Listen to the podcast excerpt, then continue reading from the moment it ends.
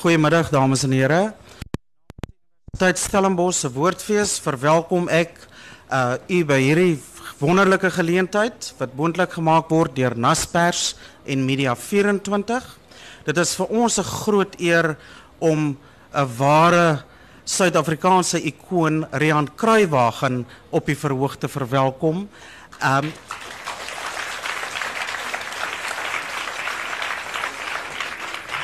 kom op. En dan ook vir Isabel de Tye vir uh, wat vandag uh, die onderhoud met hom voer. Die woordfees sien hierdie geleentheid as 'n uh, manier om Rian Kruiwagen se bydrae tot die Afrikaanse kultuurwêreld te vereer met hierdie gesprek. Ek is seker u gaan dit saam met ons geniet. Baie dankie. Dankie Meld.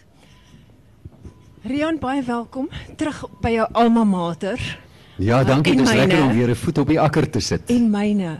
Ehm um, ek het gewonder of ons gehoor weet. Jy's nou hierdie groot televisiester. Wie was die heel eerste nuusleser op Suid-Afrikaanse televisie? Enigiemand? Ah. das. Hier's ingeligte mense in die gehoor. Dit is dan nou 6 uur en hier volg haas das in die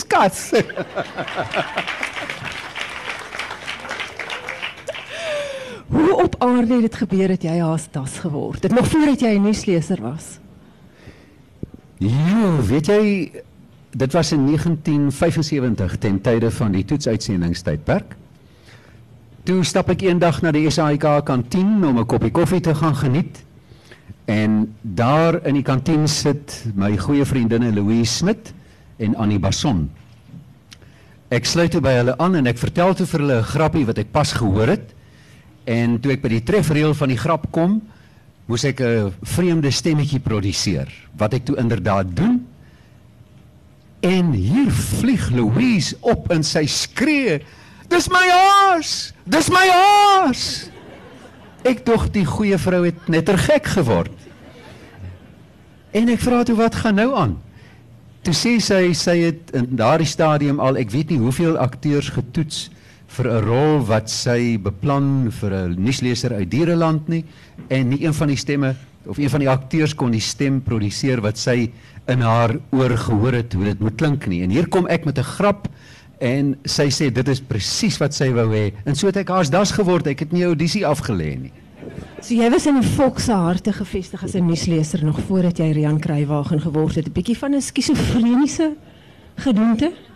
Haas das en Rian Nogal ja, jy weet in die eerste plek was dit uh, van fisiologiese omgang, jy weet om daai vreeslike ore te groei. was nogal 'n ding. Nee, ehm 'n mens moes 'n bepaalde persona aanneem as jy as das wou vertolk want jy moes onthou dat jy met klein kindertjies praat maar te gelyk ook met volwassenes want die program het 'n geweldige aanhang onder volwassenes gehad. Ek dink jy die klein kindertjie en elkeen van ons aangespreek. Ek hoop so want eh, dit is waarskynlik ook waarom Haas Das so geweldig gewild was. Sy eenvoud, sy totale gebrek aan pretensie en sy die feit dat hy met gebeure van die dag ook so bietjie op 'n kinderlike wyse die spot gedryf het. Byvoorbeeld met die met die besoek van die van die Britse leeu's, wanneer was dit? Kan nie meer onthou nie. Ehm um, toe is daar in Haas Das se nuuskas ook 'n beriggie van Diereland se uh rugby spannetjie wat teen die leeuwelpies sou rugby speel. En op die manier het Haas Das baie diep in die harte van mense ingekruip. Ons het net 150 episodes van Haas Das gehad en ek dink Louise Smit se werklas het toe naderhand so groot geword dat sy toe nou nie met Haas Das meer kon voortgaan nie. Jy weet sy moes vir Willie Wali ook sorg en ander kinderprogramme. Maar dit wat ons wel gedoen het, het die mense geniet en wat my verbaas is dat mense vandag nog praat oor Haas Das en uitvra en vra wanneer kom hy terug? So 'n bietjie oor jou eie kinderjare. Uh Rian, jy gaan binnekort 'n boek die lig laat sien. Uh die naam is Jong, ek sien die uitgewers noem die ding Rian Kruiwagen wat's nuus. Maar ja, dis wat die uitgewers dit noem. Ek weet nie wat se nuus nie. Ja, ek het Ek sal die boek moet lees. ek het destyds vir jou gesê uitsaai koöperasie stories sal sal 'n baie goeie naam wees want jy is 'n geweldige ondervinding van die hele pad wat die SAIK geloop het van Commissionerstraat af regdeur tot waar ons vandag is in Auckland Park. Ja, ek het die wonderlike voorreg gehad om op radio te begin uitsaai vir 10 jaar totdat televisie toe gekom het. Ek het by die destydse Afrikaanse diens begin. Is daar mense wat nog die Afrikaanse diens onthou van destyds? Die Afrikaanse diens was die voorganger van Afrikaans Stereo, toe later RSG. In die dae toe ek by die Afrikaanse diens begin uitsaai het in 1965, nog tydens my studentedae hier op Stellenbosch, was dit 'n suiwer kultuurdiens vir Afrikaanssprekendes, van Afrikaanssprekendes en oor Afrikaanssprekendes. En my uitsaai tande is daar geslyp. Daar het ek geleer hoe 'n mens werklik uitsaai want ek het besondere goeie voorbeelde, legendariese voorbeelde gehad in die vorm van uitsaaiers wat vandag nie meer uh, met ons is nie, maar mense wie se name bly voortbestaan in die geheue van diegene wat destyds na die Afrikaanse diens geluister het, name soos Daniel Kerstyn, Johan de Bruin, Avi Labeskagni, Andries Cornelius, Nick Swanepoel, Nick de Jager, Kobus Robinson, al die mense. Nou wil ek sommer dadelik vir jou vra wat is 'n goeie Afrikaanse woord vir 'n brat pack? Want dis is ek die manne onthou. 'n Brat 'n pack. Brat pack. Julle het dan goed aangejaag mensdom. Ek dink dis 'n klomp stoute kabouters as jy my vra. Rian, ek het ek was gelukkig genoeg om jou manuskrip te sien. En uh, wat vir my baie interessant was, as 'n baie klein seentjie, het jy agter jou pa se gramradio ingekruip Ja. en begin begin aanbied. Weet jy, my pa het 'n ou 1937 Oldsmobile gery. En die ou kar het 'n motorradio ingehaat. Hy kon net medium golf opvang. En as ons daar by die Panorama sendstasie in Johannesburg verbygery het op pad om by familie te gaan kuier, dan sê ek vir my pa, "Skakel aan die radio." Want dit was my wonderlik om te om te weet dat dit die stemme en die musiek wat ek op daardie oomblik oor die radio hoor, deur hierdie senders die lug ingestuur word. En daar dink ek is die uitsaai kiem eintlik by my geplant. En dit was ten tye van die Koreaanse oorlog hier in 1950. Toe sê my pa dat ek in die motorhuis agter die ou uitgediende radiogram gaan sit en ek sê ewe plegtig met my 5-jarige stemmetjie dit is die Suid-Afrikaanse uitsaai korporasie. Hier volg die nuus. Die kommuniste het vandag in Korea geskiet. Jy was reg vir die vir die pos lank voor jy daar uitgekom het. Jou kinderjare. Dit het, dit het my opgeval in jou boek met hoeveel detail jy elke besonderheid onthou van jou grootouers se huis, van die goed wat hulle vir jou gesê het, van die goed wat jy gedoen het. Ehm um, jy was baie so in die manier wat jy teks kom kom herstel het wanneer jy uh, vir ons in die nuuskantoor kom reghelp het voordat jy aangebed het. Hoe kry jy dit reg om goed so in detail te onthou? Het jy 'n bietjie van 'n fotografiese geheue? Nee, uh, my pa het 'n fotografiese geheue gehad. Ek nie. Ek dink as ek 'n fotografiese geheue gehad het, het ek net na mooi meisies gekyk. nee, dis nou sommer laf. Ehm um, weet jy Hy doen dit in elk geval. Isabel, nee, ek het ehm um, uh ek het eintlik maar uh begin delf in my geskiedenis toe ek nou begin om die boek te skryf want die uitgewer het vir my gesê dit moet 'n soort lewensreis wees. Begin by die begin. Nou ja, waar begin 'n mens by jou geboorte? En skryf tot by die dag Gaan van ek vandag. vir jou vra wanneer dit was, nee. Wel, dit was 5 Oktober 1945. Okay, daar gee jy se ouderdom weg. Ja, ja, nee, ek's nie skaam vir my ouderdom nie. Ouderdom is in elk geval net van kronologiese belang. Dis 'n akademiese gegewe. Jy kan nie daarvan wegkom nie. 'n Mens is so oud as wat jy voel. En ehm um, toe ek begin skryf aan die boek, toe kom ek agter na mate ek oor onderwerpe skryf, prikkel dit my geheue om ander dinge ook te onthou. Dinge wat ek normaalweg miskien nie meer aan sou gedink het nie.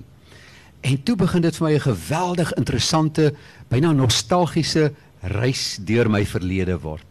En toe word dit al hoe lekkerder en ek kon nie ophou skryf nie. As ek nie gekeer het nie, uh, het ek nou nog geskryf. Nou ou dokter Phil wat ons nou baie op ons televisie sien, party mense dink hy's die uh, tweede redder en ander mense verag hom met 'n tipe veragting, maar hy eendag my baie interessante ding gesê, daar's omtrent 5 of 6 mense in jou lewenstyd wat jou karakter gaan vorm en wat bepalend en rigtinggewend gaan wees um, in jou bestaan. Kan jy vir ons sê wie staan 5 mense in jou lewe, 5 of 6? Ooh, ek dink ek het baie mense gehad wat rigting in my lewe gegee het. Aan die ernstigste kant was daar my ouers, my pa en my ma wat goeie middelklas godvreesende Afrikaans sprekende mense was. Mense wat uit hulle pad gegaan het om vir my en my broer en my oorlede suster 'n goeie opvoeding te gee en wat hulle self nie tekort gedoen uh, nie geskroom het om hulle self tekort te doen om dit vir ons te kan gee nie. By hulle het ek geleer om liewer aan 'n ander te doen wat jy graag aan jouself gedoen wil hê. Dit het ek by hulle geleer. My oupa en my ouma het wonderlike lewenslesse by my ingeprent. My oupa was 'n man met baie min geleerdheid, maar enorme wysheid. Oupa was 'n harde werker. Hy het met groente en vrugte geboer. Hy het van voor sonsopkoms in die oggend al gewerk tot na sonsondergang. En oupa het vir my geleer dat arbeid adel. Dat 'n mens in 'n dag se tyd jou werk moet doen, dat jy jou brood op 'n eerlike manier moet verdoen, moet verdien. En as daar een mens was wat eerlik deur die lewe gegaan het, kan ek met vrymoedigheid sê dit was my oupa. So my oupa en my ouma het 'n besondere rigtinggewende invloed ook op my as jonk kind gehad. Oupa die een wat die Bybel altyd opgehou het en gesê die wet van God. O ja, oupa ja. nou haal jy uit die boek aan. Oupa het ehm um, altyd huisgodsdiens gehou. Dis nou in die dae toe my pa nog klein was, hoor. My pa het vir my die staaltjie vertel. Hy sê oupa het altyd uit die ou Hoog-Hollandse Bybel in die aand met huisgodsdiens ook die wet gelees as deel van die huisgodsdiens. En dan kondig hy dit aan die wet van God. En dan lees hy dit nou. En toe kom oupa grootjie op 'n kol terug van besoek aan sy suster in Klerksdorp en in Klerksdorp het hy 'n knipmes gekry met aan die een kant die afbeelding van die Transvaalse vierkleur en aan die ander kant die twee ou presidente, uh die twee ou generaals, De Wet en uh en aan ou president Kreur. En oupa wys ou ou oupa grootjie wys toe nou hierdie mes vir die mense aan tafel. Hy sê kyk, hier is die vierkleur en op die ander kant is uh Kreur en daar is De Wet. En toe sê my pa, "O, is dit De Wet van God?" So, so Kinderlike onskuld. So ons het jou ouers en jou grootouers. Wie anders sal jy die eer gee om om om 'n groot plek in te neem in die vorming van jou karakter? Wel soos ek gesê het, daar was 'n ernstige kant en daar was 'n minder ernstige kant. Ek dink aan die aan die ernstige kant het ek die belangrikste vier genoem. Aan die uh, minder ernstige kant my goeie vriende. Soos my ou vriend Van Pansegrou wat my geleer het hoe belangrik dit is om te kuier. Hy het gesê man, ons kan om 'n potjie kuier en jou potjie kan aanbrand, maar dit maak nie saak nie, ons gaan voort om te kuier. So kuier is belangrik en daar het ek die belangrikheid geleer van lekker kuier, gesellige samesyn met my vriende. En by elkeen van my vriende, ook al die ander wat ek in die boek aanhaal, het ek iets geleer in verband met menseverhoudinge, uh in verband met die waardering van vriendskappe, in verband met die waardering van selfs die kleinste dingetjies in die lewe. So om net 5 uit te sonder is vir my onmoontlik. Ek ken te veel mense wat my lewe beïnvloed het. Soos mense mes jou lewe beïnvloed, is daar plekke, het ek gevind in my lewe, plekke wat jou lewe beïnvloed en Stellenbosch definitief. Ons is terug waar ek sekerlik een van die eerste plekke in my lewe ontdek het wat 'n wat 'n geweldige invloed uitgeoefen het op wie ek sou word. En jy het in 'n boek 'n verskriklike mooi ding gesê oor Stellenbosch, die ou wêreldse akademiese waardigheid wat uit die Stellenbosse leerkultuur gestraal het, was intellektueel onweerstaanbaar en stimulerend. Ek dink ek het al 'n beter opsomming van Stellenbosch gelees enige plek nie. Baie dankie en dit kom uit my hart uit want dit is ek oor, hoe ek oormaties voel. Uh, en ek dink dit is vandag nog so want dit is 'n universiteit van wêreldgehalte. En ek is baie trots daarop en ek sal nooit verskoning maak vir die feit dat ek 'n oud maatie is nie.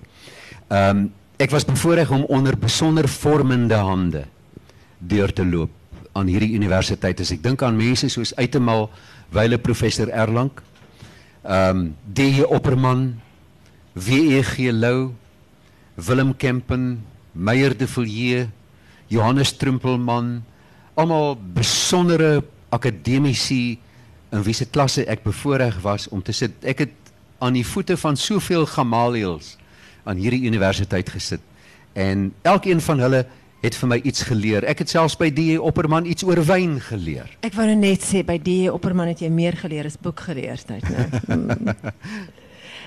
Wat is jou gunsteling wyn? Ek weet jy's besonder lief vir wyn.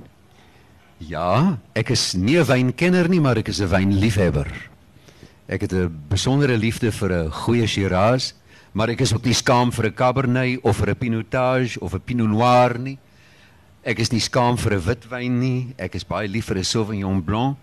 Ehm um, maar my deel 'n voorliefde vir. Ja, My gunsteling is 'n baie goeie vonkelwyn. vonkelwyn. Omdat ek Franse champagne nie kan bekostig nie. ja, dit was my vir my ook een van die interessante dinge toe ek op Stellenbosch gekom het as 'n jong meisie van die platteland af en en daar was nie wyn in ons huis nie. Dat die die Kaapse vriende wat ek hier gemaak het, ehm um, en jy nie genooi het om saam met hulle te gaan koffie drink nie. Jy het 'n glasie wyn gaan drink. Ja. En dit was vir my baie interessant hoe vinnig 'n mens agtergekom het dat daar is 'n kultuur rondom 'n glasie wyn. Dit is nie sommer net 'n glas wyn wat jy drink nie. Absoluut. Jy weet toe ek van Johannesburg af Stellenbosch toe gekom het om te kom studeer, het ek hier aangekom met permissie gesê 'n bier en brandewyn kultuur. Want dit is wat ons in daardie dae in die noorde gedrink het. As ons wyn gedrink het, was dit miskien 'n glasie muskadel of 'n glasie hanepoot. Die mense het soetwyn gedrink in daardie dae.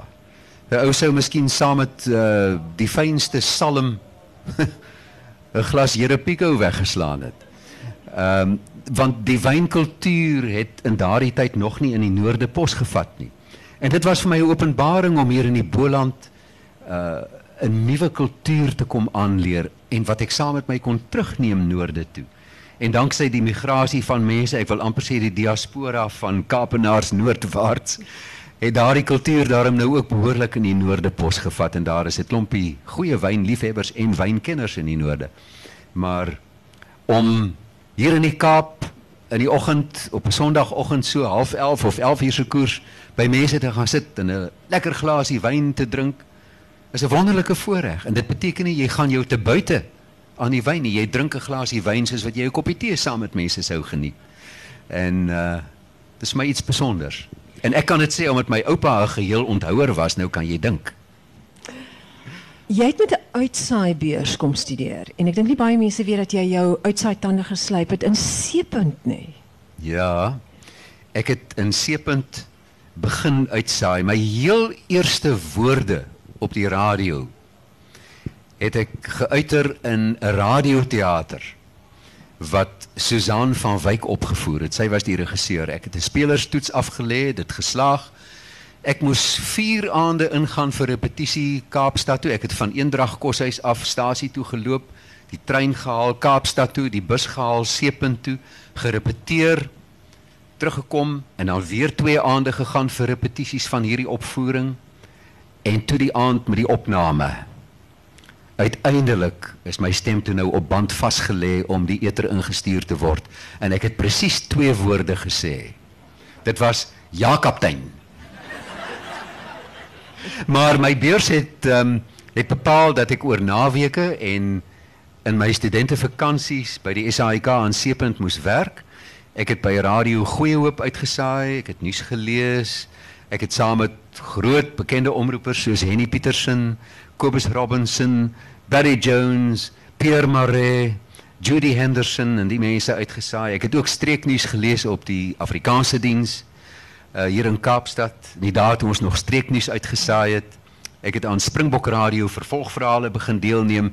Jy het 'n Springbok Radio volgverhaal help skryf ook in 'n stadium. Dit was vir my baie interessant. Woe, ek wil dit liewer vergeet. Dit was ehm um, die storie Die Wildtemmer wat ehm um, wat Willie van Rensburg geskryf het. En die vervolgverhaal het Willie min of meer tot raserny gedryf.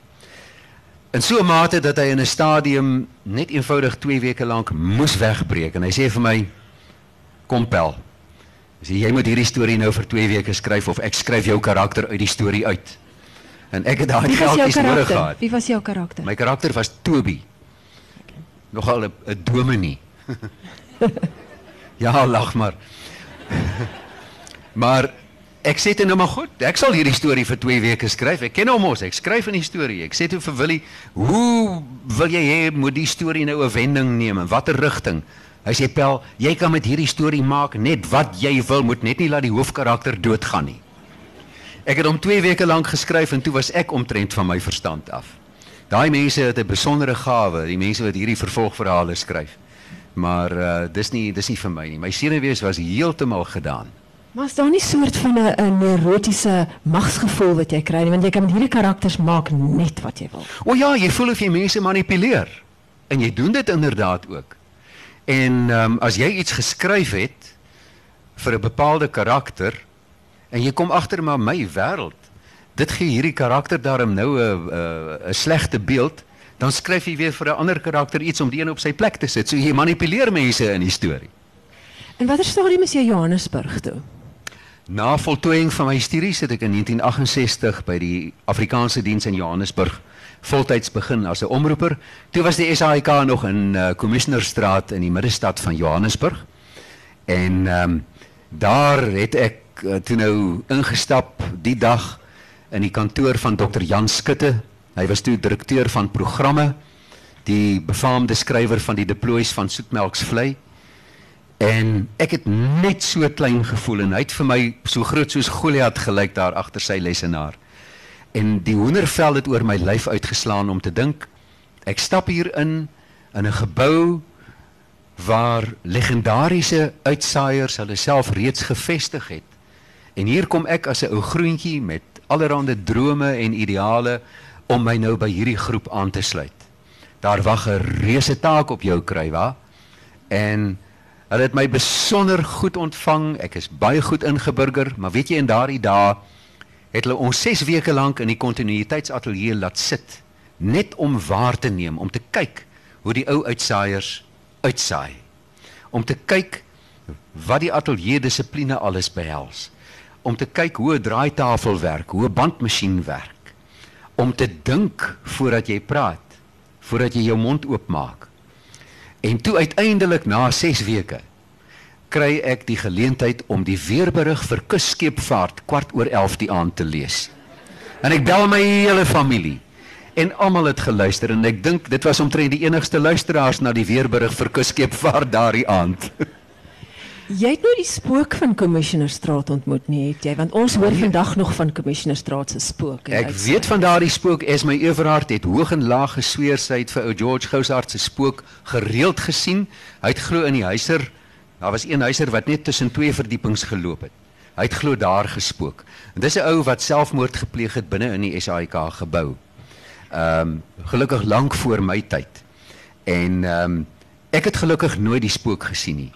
Maar dat hy geloop het, dan ja, dit het party mense hoog en laag gesweer. Jy was een van die eerstes wat toe saam oorbeweeg het Auckland Park toe. Ehm um, was dit nie 'n geweldige kultuurverandering nie want die die gebou is het het heeltemal 'n ander atmosfeer. totaal anders. Jy weet, die ou uitsaaihuis in Commissionerstraat was aanvanklik nooit as 'n uitsaai gebou bedoel nie. Uh dit was 'n kantoorgebou wat hulle omgeskep het in ateljee's. Ons ateljee's was ook nie heeltemal klankdig nie. Ek onthou, ek het eendag gehoor hoe die kontinuïteitsaankondiger aankondig. Dit is Radio Suid-Afrika. Hier volg die nuus, gelees deur Daniel Kerstyn. En toe skakel hulle nou oor na die nuusateljee en hier hoor ek dieselfde kontinuïteitsaankondiger in die gang roep: "Abraham, bring die tee!" Nou ja, dit kry jy natuurlik nou nie in die moderne gebou nie. Ehm um, die moderne gebou is 'n is 'n doolhof van gange. Ehm um, bietjie onpersoonlik as jy nou die ou uitsaaihuis met sy kultuur en sy staaltjies meegemaak het. Ehm um, maar tog tegnologies gesproke baie meer gevorderd as dit wat ons in uitsaaihuis in Commissionerstraat Ja, ek onthou toe ek daar begin werk het, as jy in 'n oggend daar ingestap het en hy glasdeure skuif toe agter jou, is dit 'n totaal ander universum as enige ander plek in hierdie land.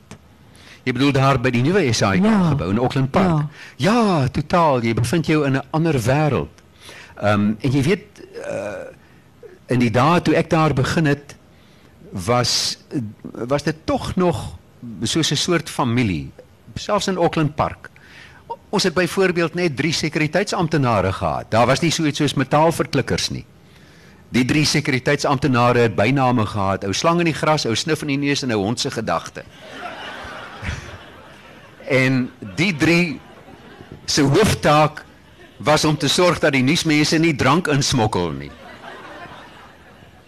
Ver, vergeet van vuurwapens want ehm um, jy weet ons het in daardie dae uh by die nuusdiens in die in die nuuskantoor gesit en dan sit jy nou veral op 'n Vrydag aand en wag vir die laat aand nuus wat eers na die laat aand fliek aan die beurt gekom het. En daardie fliek het soms tot 12 uur 10 oor 12 in die nag geduur. Nou het ons hierdie bulletin al teen 8 uur, half 9 se koers kant en klaar geskryf. Nou sit ons in die nuuskantoor op 'n Vrydag aand. Wat doen ander mense op Vrydag aande?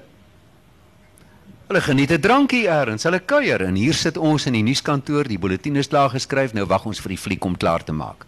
Man en die ouens was vindingryk. Hulle het met allerlei planne vorendag gekom om so so ou knertsie die gebou in te smokkel. En die gewildste ding was 'n papsak. En daardie papsak het hulle in akte tasse versteek. Hulle het dit onder hulle klere versteek, jy weet, en dan kyk ou hond se gedagte die ou en sê, "Man, maar jy het gewig aangesit." Sê, "Ja, ja, jy weet." Nou smokkel hulle daai papsak in. Maar hulle kon ons nooit betrap dat ons 'n ou knertsie gebruik nie. En as jy nie 'n knertsie binne kon gebruik het nie, dan het jy nou maar 'n plan gemaak om om hom buite te gaan gebruik. Uh daar's die storie van jou teks wat weggeraak het een aand. Ja, ek was in daardie stadium nuusregisseur en dit was ook op 'n aand wat ons gewag het vir die laat aand fliek om klaar te maak. En ehm um, die nuustekste daar op die op die lesenaar gelê. Nick Swanepoel was die nuusleser die aand. En ag, ons het maar in die nuuskantoor gesit en gesels en toe dit nou haas begin tyd word om ateljee toe te gaan en die kameras in te stel en die klankbalans te neem en die ligte reg te stel en so aan. Toe uh, sê ek waar is die nuusbulletin? En waar is Nick? Verdwyn. Toe sê ek wag 'n bietjie en ek klim in my kar en ek ry na die Melville Hotel. En daar sit Nick en Willem Thompson. Lekker sit hulle gou-gou 'n biertjie in drink. Hulle sê ja, ons het mos baie tyd vir die nuus aan die beurt kom. En die kroegman staan en blaai deur die nuusbulletin. Het julle dit gemaak daardie aand? Ons het dit gemaak en daardie bulletin is foutloos uitgesaai. Nou agter elke man wat presteer soos jy, is daar 'n goeie vrou. Waar het Rihanna in die prentjie gekom? Ek het haar nou al twee keer ontmoet en en sy is iets besonder. Rihanna terloops vir die wat nie weet nie is my vrou se naam. Ons is Rian en Rihanna soos Platina en Plat Anna. Um, Adrian en Adriana. Adrian en Adriana, ja, nes jy wil. Ehm um, ja, sy het in die prentjie gekom in 1969. Uh sy het toe net klaar matriek geskryf. En ek was toe al 'n omroeper in Johannesburg en ek ry toe om 'n niggie van my by die skool te gaan haal en huis toe te neem. En terwyl ek vir haar in die motor wag, sien ek hierdie meisie met die raafswart lang hare en die sonbruin lyf en atleties gebou en ek dog alla wêreld wat het ons hier ek sê mos ek het 'n fotografiese geheue en my niggie klim in die kar en nog voor ek haar groet sê ek vir haar hoor hier in wie's hierdie meisie wat hier op die muurtjie sit toe sê sy o dis Rihanna den Besten is 'n goeie klasmaat van my bingo ek sê vir haar het jy haar foonnommer vir my Sy sê ja. En ons ry, maar plek dat ek haar toe nou maar sommer daar en dan al bygedam het, dog ek toe nee, ek sal haar nou bel. Maar uh, toe begin die moet my nou ook maar naderhand begewe. En uh uiteindelik bel ek toe. Toe antwoord haar sussie die foon en sy sê toe uh nee, Rihanna het nou pas matriek geskryf en haar ouers het haar Europa toe gestuur uh vir haar matriekvakansie om by haar familie te gaan kuier want haar ouers was immigrante uit uh, uit Nederland. En uh, sy kom eers die 11de Januarie dink ek terug. Ek toe wel hierdie vis moet ek nie verloor nie. en ek hou die kalender dop. Jong en toe 11 Januarie aanbreek toe bel ek. En sy is toe terug. En ek het toe in daardie stadium toevallig twee kaartjies gehad vir die sanger Max Bygrave se vertoning die volgende aand in die stad Skouburg in Johannesburg en ek vra vir haar of sy saam met my wil gaan en sy sê ja. En die res is geskiedenis. Dis 40 jaar later, sy's nog hier. Julle is baie vinnig getroud. Nee, nee. Ja, ja. Binne 3 weke gereël. Ek dink ek sê jou Ja, nee, maar daarom nie sedert ek haar ontmoet het nie. Ons het daarom eers verloof geraak. Ja. Maar dis 'n baie Ons interessante is die eers die storie. volgende jaar getroud. Ehm dit het so gebeur.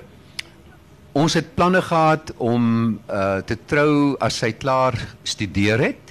Sy was eers op die pik, maar dis toe nou vir ons vryery 'n bietjie te ver en ongemaklik van Johannesburg af. Toe sê haar pa, "Goed, sy kan op RAU gaan studeer. Dis nou die Universiteit van Johannesburg." En ehm um, toe uh het ek intussen aansoek gedoen om 'n pos by Radio Nederland Wêreldomroep in Hilversum as Afrikaanse omroeper. Daar was 'n Afrikaanse afdeling.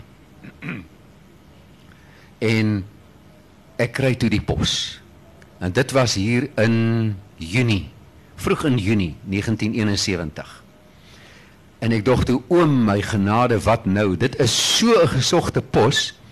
Ek durf hierdie pos nie deur my vingers laat glip nie. Ek is nou verloof. Ons het beoog om eers die volgende jaar te trou. En ehm um, ek gaan praat toe met my aanstaande skoonouers.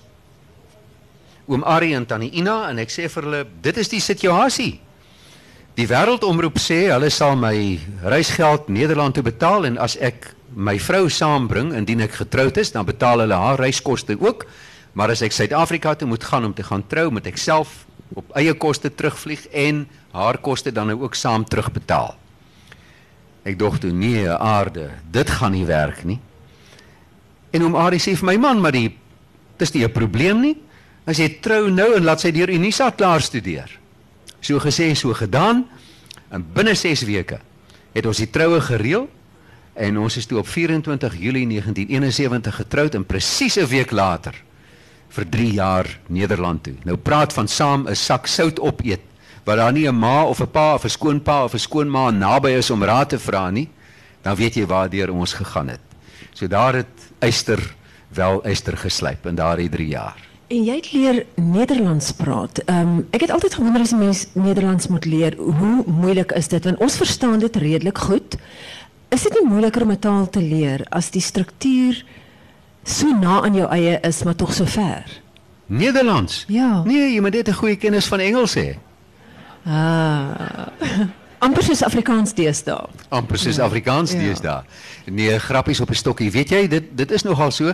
Gelukkig het ek Afrikaans Nederlands um, op universiteit gehad en um, ek het baie goeie dosente gehad. Ek het 'n liefde vir die Nederlandse letterkunde ontwikkel. Ek het baie Nederlandse boeke gelees, lees dit vandag nog. Dus kan ek je rustig zeggen, het is niet zo'n groot probleem om Nederlands te praten, hoor.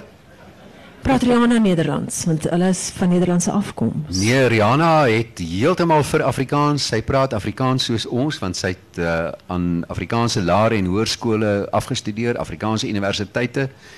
En ehm um, wanneer sy met haar ouers praat, haar vader is al oorlede, maar as sy met haar ma praat, is dit nog steeds Nederlands. Dit praat sy sonder 'n aksent en sy praat Afrikaans sonder 'n aksent. So uh, maar dit dit is nogal moeilik as 'n mens die twee tale nie goed ken nie uh om jy weet dan kop of stert uit te maak veral van die Nederlandse naamvalle en is dit ding de of is dit het is dit uh, de huis of het huis is dit de auto of het auto um, dit maak dit vir Afrikaans sprekendes moeilik om omdat ons praat van die huis en die motor en uh Afrikaans is 'n baie eenvoudiger of makliker taal sou ek reken om aan te leer. Richard uh, het vir my gesê ons uh, Richard Newton uh, ons man by die SAIK wat nou omtrent so 5 jaar in Brussel was, dat dit vir hom geweldig interessant was hoe mense hulle ore gespits het wanneer sy kinders Afrikaans gepraat het want die pragtige woorde wat ons in Afrikaans het, het hulle altyd opgeval. Ehm um, sy sien net eendag verwys na ehm um, 'n uh, ornament in 'n winkel was 'n verkleurmannetjie. En die mense was verstom oor die woord verkleurmannetjie want hulle praat van chameleon. Ja, dit is so die Nederlanders word bekoor deur ons Afrikaanse woorde soos 'n huisbak, 'n beursie. Um, da, daar is talle sulke woorde, 'n sypaadjie, Skemerkelkie. 'n skemerkelkie. Hulle praat van 'n cocktail. Ja, en hulle praat van 'n trottoir vir 'n suikpaadjie. 'n Langbroek noem hulle 'n pantalon. Ehm um, 'n uh, sambreel noem hulle 'n paraplu. Hulle neem baie maklik woorde oor uit uit Frans veral maar en dan ook uit Engels. Maar ek dink daar het 'n mate van taalluiheid ingetree by die Nederlanders. Ek merk wel in my kontak wat ek nog met baie Nederlanders het dat daar 'n soort taalbewustheid by hulle intree. Ehm um, veral in die gees van die Europese Unie dat 'n mens begin wonder of dat mense in Europa begin wonder gaan daar nie dalk een oorheersende taal in die Europese Unie ontstaan nie. En ek dink dit het sommige Nederlanders laat wakker skrik, jy weet, word daar nie 'n bedreiging vir ons taal ingehou nie. Daar kan hulle 'n paar lesse by ons in Afrikaans leer want sedert Afrikaans nie meer alleen deur wetgewing verskans word nie, maar moet meeding met 10 ander amptelike tale in die land. Is daar mense wat wakker geskrik het en dit die die die die verantwoordelikheid is nou die Afrikaans sprekendes en om ons taal aan die gang te hou en en en en lewendig te hou en ek dink dieselfde geld die Nederlanders. Is dit nie ironies in hierdie tyd wat wat uh, Afrikaans nie so 'n vanselfsprekende 'n veilige plek het dat ons Afrikaans so sleg begin gebruik nie. Ek wil die hoor kry partykeer as ek na die jong mense luister want jy weet nie of hulle Afrikaans Engels sprekendes is om Afrikaanse woorde ingooi of andersom nie. Dit is 'n baie moeilike situasie. Ek is nie 'n kenner op daardie gebied nie, maar ek het bepaalde menings daaroor.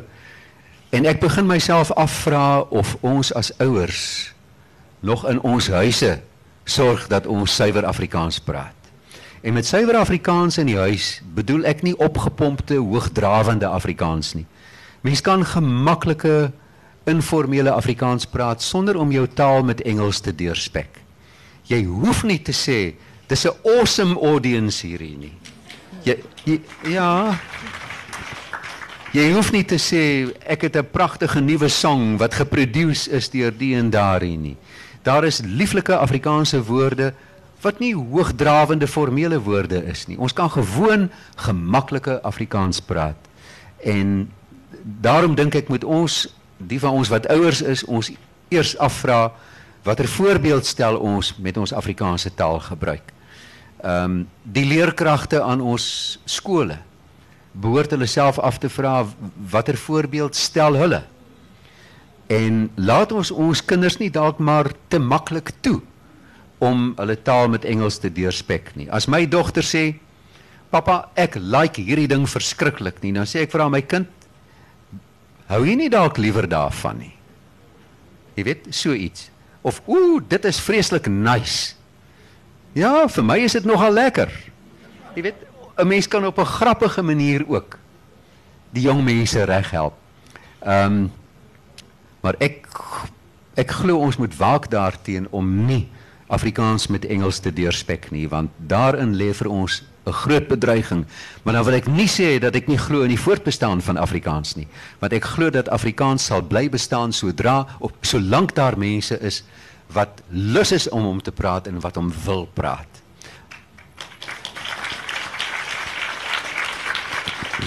Mag ek net iets daaraan toevoeg? En dit is dat ek ook glo dat ons Afrikaans inklusief moet maak en inklusief moet hou. Dit moenie 'n taal wees wat eksklusief aan een groep behoort nie. Dit bestaan nie. Elkeen wat Afrikaans praat, is geregtig daarop om homself 'n Afrikaansspreker te noem. Nou die persoon wat die heel langste televisie nuus lees in hierdie land is 'n Afrikaanse nuusleser, Rian Kruiwagen. En dit was my interessant om uit te vind dat dit baie toevallig is dat jy begin het om televisie nuus te lees. Ja. Selfs daar het ek nie 'n audisie afgelê nie. Was nie vir haas das en ook nie vir vir mense land se televisie nie. Uh, was 'n nuusregisseur in daardie stadium en dit was op 26 November 1975. Toe was Michiel Steenekamp geskeduleer om die aand die nuus aan te bied. En hy is ter 11ter ure verhinder. En hy skakel toe die nuuskantoor om te sê hy's baie jammer maar hy kan nie inkom nie. En toe is dit te laat om 'n ander gevestigde televisie nuusaanbieder uh, te ontbied. En die senior nuusredakteur Sakkie Burger sê toe vir my: "Jong, jy het nou al 10 jaar lank op radio die nuus gelees. Jy ken die nuusteks, jy's 'n regisseur, jy weet wat al die aanduidings op die teks beteken, jy kan hom vertolk. Kom help uit. En ja, so dit gebeur. Hulle het 'n half kilogram gremering op my bakkies geplak en my voor 'n kamera neergesit. Ek het dit aangebied en hulle vergeet om my van die skedule af te haal en ek is nog daar. In 'n stadium het jy begin bril dra. Mm. mm. Ek dra nou nog bril wanneer ek bad. Uh, ek sal nie vra hoekom nie. Niks my te doen nie.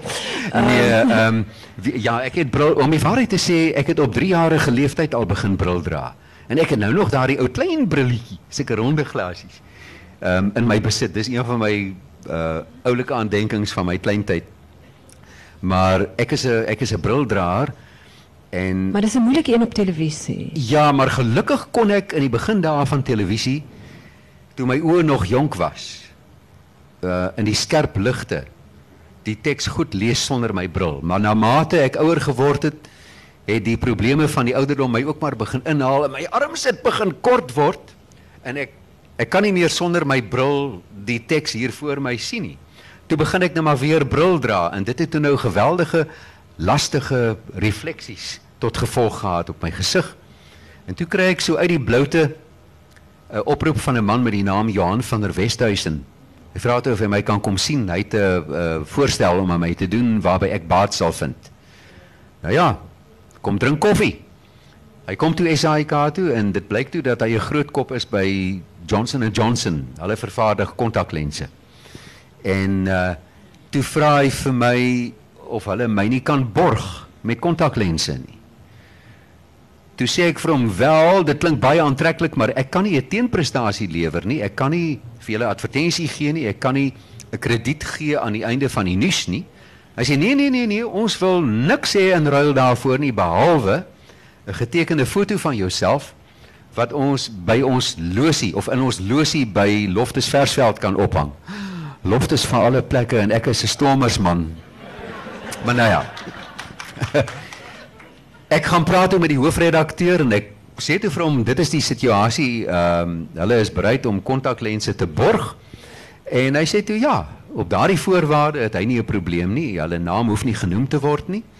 En so dit gebeur en ek dra nou nog kontaklense en dit het my probleem toe nou vir my opgelos. Maar ek het op 'n kolle bril gehad met ruitveers. Ja. Lees daarvan in my boek.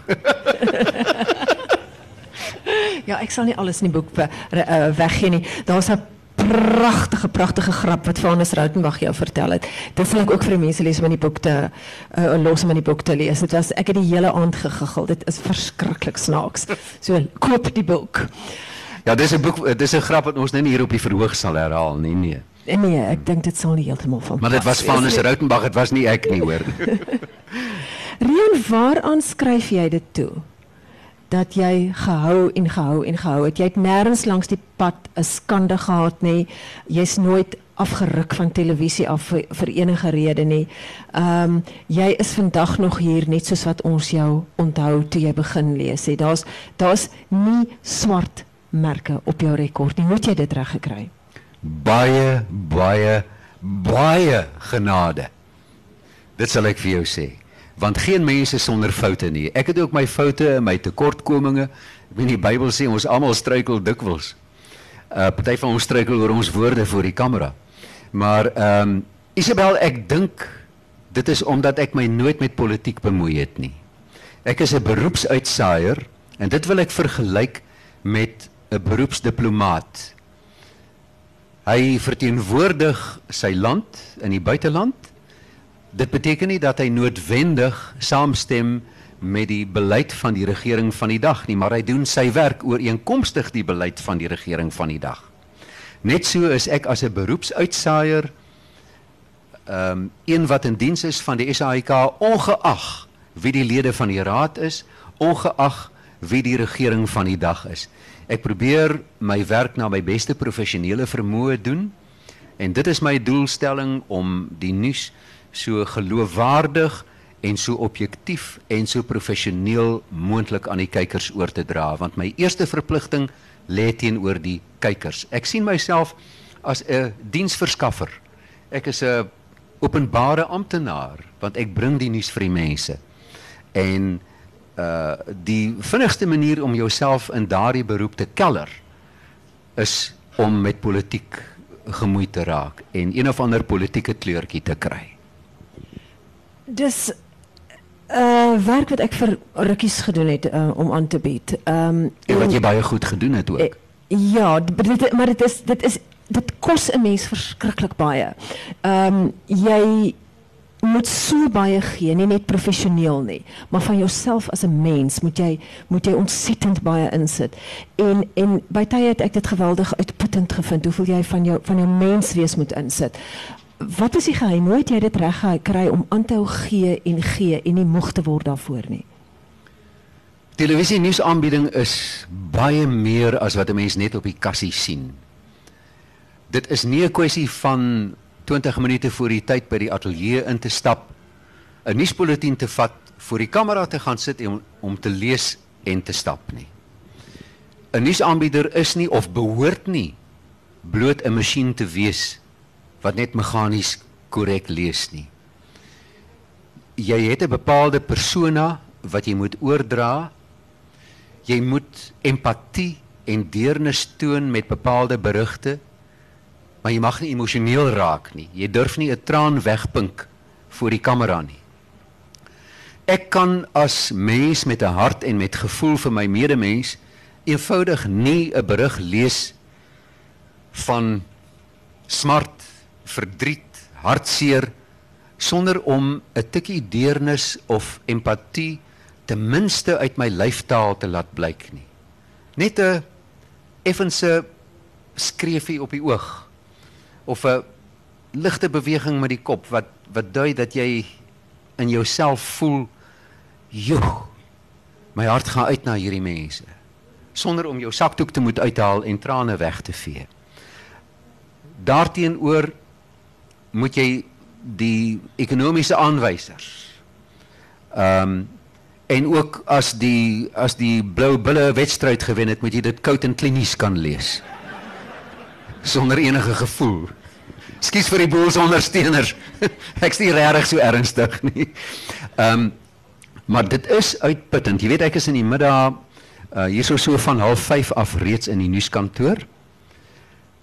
Ehm um, dan het ek samesprekings met die nuusredakteur. Ek kyk na die looporde, ek kyk na die inhoud van die nuusbulletin, wat alles ingesluit is in die aand se bulletin. Ek doen navraag na wat al beskikbaar is, wat nog verwag word, wat laat gaan inkom. En dan gaan ek na die duikkloppers. Ek gaan nie meer vir grimering nie, ek gaan nou na die duikkloppers. En nadat hulle my dan nou met polyfilla bygekom het en ek weet nie wat alles nie met skuurmasjiene gaan ek terug nuuskantoor toe dan is ek nou lyk ek soos 'n kruising tussen Boy George en 'n veglustige Indiaan. Uh En dan begin ek in alleryl voorberei. Dan gaan ek deur die berigte wat reeds deur die skryfredaksie geskryf is. Ek versorg dit taalkundig. Ek het geen beheer oor die taalgebruik van die verslaggewers nie in die insetsels nie. Ek het wel beheer oor die taal wat ek gebruik wat dit wat ek moet lees. En ek pas die gedeeltes van die teks aan om by my aanbiedingstyl aan te pas. En ehm um, ek doen dit op die op die rekenaar en soos wat ek dit gedoen het, sal dit dan ook op die voorseer voor die kamera verskyn. Daar is baie berigte wat inkom terwyl ons besig is om uit te saai. Dit gebeur soms dat ek 'n berig kry wat pas ingekom het wat ek moet lees en jou oog leer deur ervaring om vooruit te lees en jy sien taal en stylfoute raak en jy stel dit reg sommer so in die lees. Uh sonder dat jy die berig onder oë gehad het. Dit is 'n vaardigheid wat 'n mens maar so met verloop van jare aanleer. Maar ek sal jou dit sê as jy daardie aand uit die ateljee uitstap, dan is jy moeg. Want die kykers kan baie gou agterkom as jy belangeloos is. As jy nie belangstel in dit wat jy doen nie, as jy nie jou werk met erns beheen nie, as jy nie die nuus belangrik ag nie. En laat ons nou maar erken dat dit wat in die nuus ingesluit word is dinge wat ons raak. Dit raak my net soveel as wat dit u raak. En jy moet dit met die nodige erns beheen. En om so voortdurend te konsentreer en te sorg dat die vlinders in jou maag mooi inligting vlieg. Uh dit tap jou. Dit tap jou. Het jy jouself ooit betrap dat daar 'n oomblik was wat jy vir jouself ge gesê het ek is nou 'n celebrity? Nee. Nee, nee, ek is nie in die gewildheidswetloop nie, dankie. Nee, daarin stel ek nie belang nie. Ehm um, ek weet daar is mense wat hulle self celebrities noem. Ehm um, dis hulle goeie reg en hulle is dit waarskynlik ook. Ehm um, hulle kan maar daar by die inweegtoonbank van die van die lughawe gaan staan en sê, "Weet jy wie is ek?" Ek dink ek moet opgegradeer word na 'n uh, eh, besigheidsklas. Nee, dankie. Dis nie my styl nie. Ek stem nie daarmee saam nie. Ehm um, dit is nou maar my lewensfilosofie. Ek is so groot gemaak. Ehm uh, ek is nie belangriker as enigiemand anders nie. Ek het net nou gesê ek is 'n amptenaar wat in diens is van die publiek. Ek bring die nuus vir die mense. Uh ek stel nie belang in die gewildheidswetloop nie. Ek is nie daarin nie. Ek is nie deel daarvan nie. Die ehm um, klompie blyke van erkenning wat ek tot dusver ontvang het, het spontaan sonder dat ek daarvoor ingeskryf het of gevra het van buite af gekom. Daarvoor is ek opreg dankbaar. Uh ek is besonder dankbaar teenoor die lede van die publiek wat waardering teenoor my betoon vir my werk. Dit laat my besef dat ek eers dalk iets goed doen of dalk iets reg doen. Wie was jou rolmodel? Want toe jy begin het om televisie te doen in Suid-Afrika, was daar nie televisieaanbieders of nuuslesers nie. Nou weet jy gekyk en gesê dis is dit gedoen met word. Ehm um, Isabel, ja, dankie. Ek dink dit is ons laaste vraag en antwoord. Ek was bevoorreg om in 1975 op 'n studietoer na die Verenigde State en Amerika uh, en Brittanje gestuur te word om nuusregie en nuusaanbieding te bekyk en te bestudeer. Ek het daar vinnig deurgeloop onder die hande van professor Ron Aden wat toevallig ook vir Ronald Reagan onderhande geneem het vir sy televisieaanbieding en ek het mense bekyk. Walter Cronkite van CBS en John Chancellor van NBC, die voorganger van Dan Rather. Ehm um, dit het ek bekyk en ek het met hulle gesprekke gevoer en ek het vir Walter Cronkite wat seker die beroemdste en grootste uh televisie nuus ankeraanbieder ter wêreld was gevra waaraan hy sy groot welslaa toegeskryf het. Toe sê hy vir my young man I never went home totally satisfied. There was always something I could have done better. En dit is my motto. En jy het 7000 van hulle gedoen. Dankie. 7000.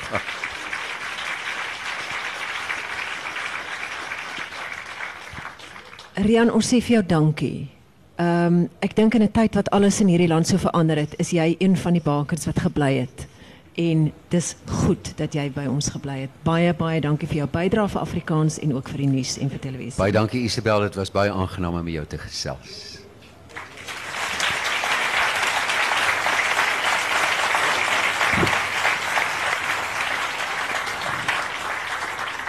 Dames en heren, ik wil net aan die, af, uh, aan die einde van een baie, baie interessante sessie baie dankie sê vir Isabel. Ek dink sy het uh, regtig na vore gebring waarom ons almal so lief is vir Rian.